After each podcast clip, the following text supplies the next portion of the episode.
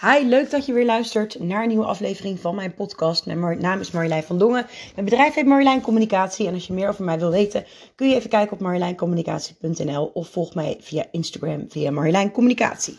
De aflevering van vandaag die gaat over leiderschap nemen in je bedrijf.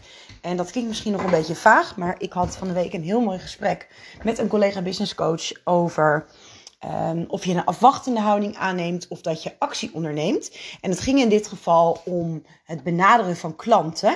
Um, nou is dat niet het enige stukje leiderschap in je bedrijf, maar daar wil ik graag even mee beginnen.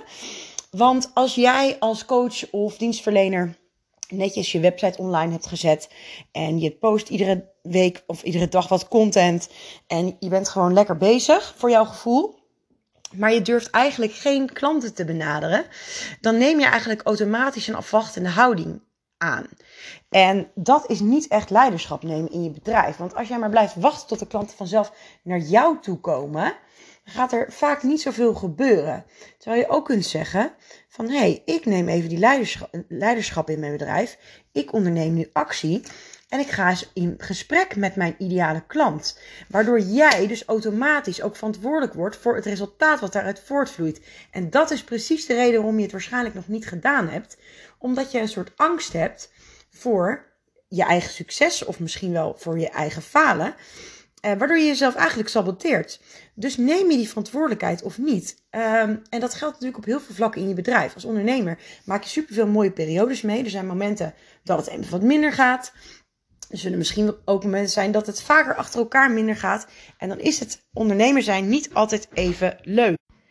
Maar hoe kun jij beter met deze omstandigheden omgaan? En hoe kun jij daaruit komen en het minder laten voorkomen? Door geen slachtoffer te zijn van de situationele omstandigheden. En waar heeft dat mee te maken? Dat heeft eigenlijk alles te maken met 100% verantwoordelijkheid nemen. Ook een stukje Um, wat ik ook vaak tegenkom bij mijn coaches, is bijvoorbeeld dat zij problemen ondervinden met klanten die zich niet aan hun grenzen houden, die over hun eigen grenzen ingaan. Uh, zoals bijvoorbeeld te laat komen op afspraken, niet komen opdagen, uh, het aantal revisierondes. Uh, maar blijven uitbreiden zonder extra kosten en verwachten dat jij er geen extra kosten voor rekent. En dat heeft dus ook te maken met een stukje leiderschap tonen in je bedrijf. Want als jij geen duidelijke grenzen stelt, dan ben jij uiteindelijk nog steeds verantwoordelijk voor de situatie. Dus dan kun je wel zeggen, ja, maar dat zijn situationele omstandigheden en mijn klant houdt zich er niet aan. Maar als jij 100% verantwoordelijkheid en leiderschap neemt, dan zorg jij dat je grenzen duidelijk afgebakend zijn, waardoor dit niet kan gebeuren.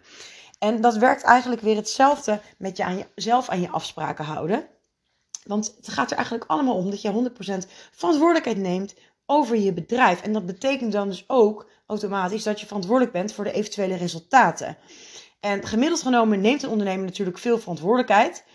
Uh, maar er zijn eigenlijk maar heel weinig die echt 100% verantwoordelijkheid nemen. Toch uh, geven veel ondernemers de schuld van de tegenvallende resultaten aan externe omstandigheden. Zoals bijvoorbeeld, nou ja, in deze tijd misschien wel uh, corona of de economie. Um, of mijn klant snapt het niet. Of uh, ik heb heel veel concurrentie. Bij coaches hoor je die ook nog vaak. Hè? Ja, maar er zijn al zoveel coaches. En dit kost jou eigenlijk allemaal energie. En het helpt je niet om de oplossing te vinden. En uh, dit is eigenlijk slachtoffergedrag wat je dan vertoont. Uh, en nou ja, de meeste ondernemers vinden dat geen slachtoffergedrag. en gaan zich dan verdedigen. Maar ja, als jij een stukje leiderschap neemt. Um, en dan wel echt voor 100% dan ben jij verantwoordelijk voor de resultaten. En de, de, resultaten, de goede en de tegenvallende, die komen voort uit acties die jij daarvoor genomen hebt. En die zijn eerder ontstaan uit gevoelens die je had over een bepaalde situatie en uit jouw gedachten en jouw overtuigingen.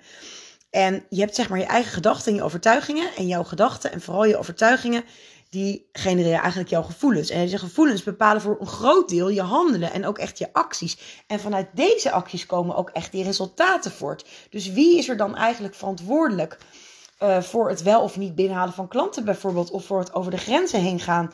Wie kun je daar verantwoordelijk voor houden? Is, dat de situatie?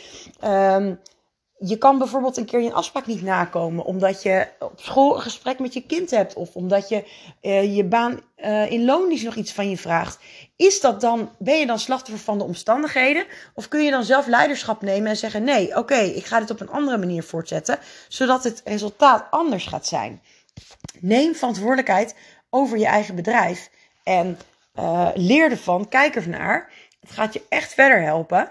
En word je ervan bewust dat jouw gedachten en overtuigingen zoveel invloed hebben op het eventuele succes van jouw bedrijf.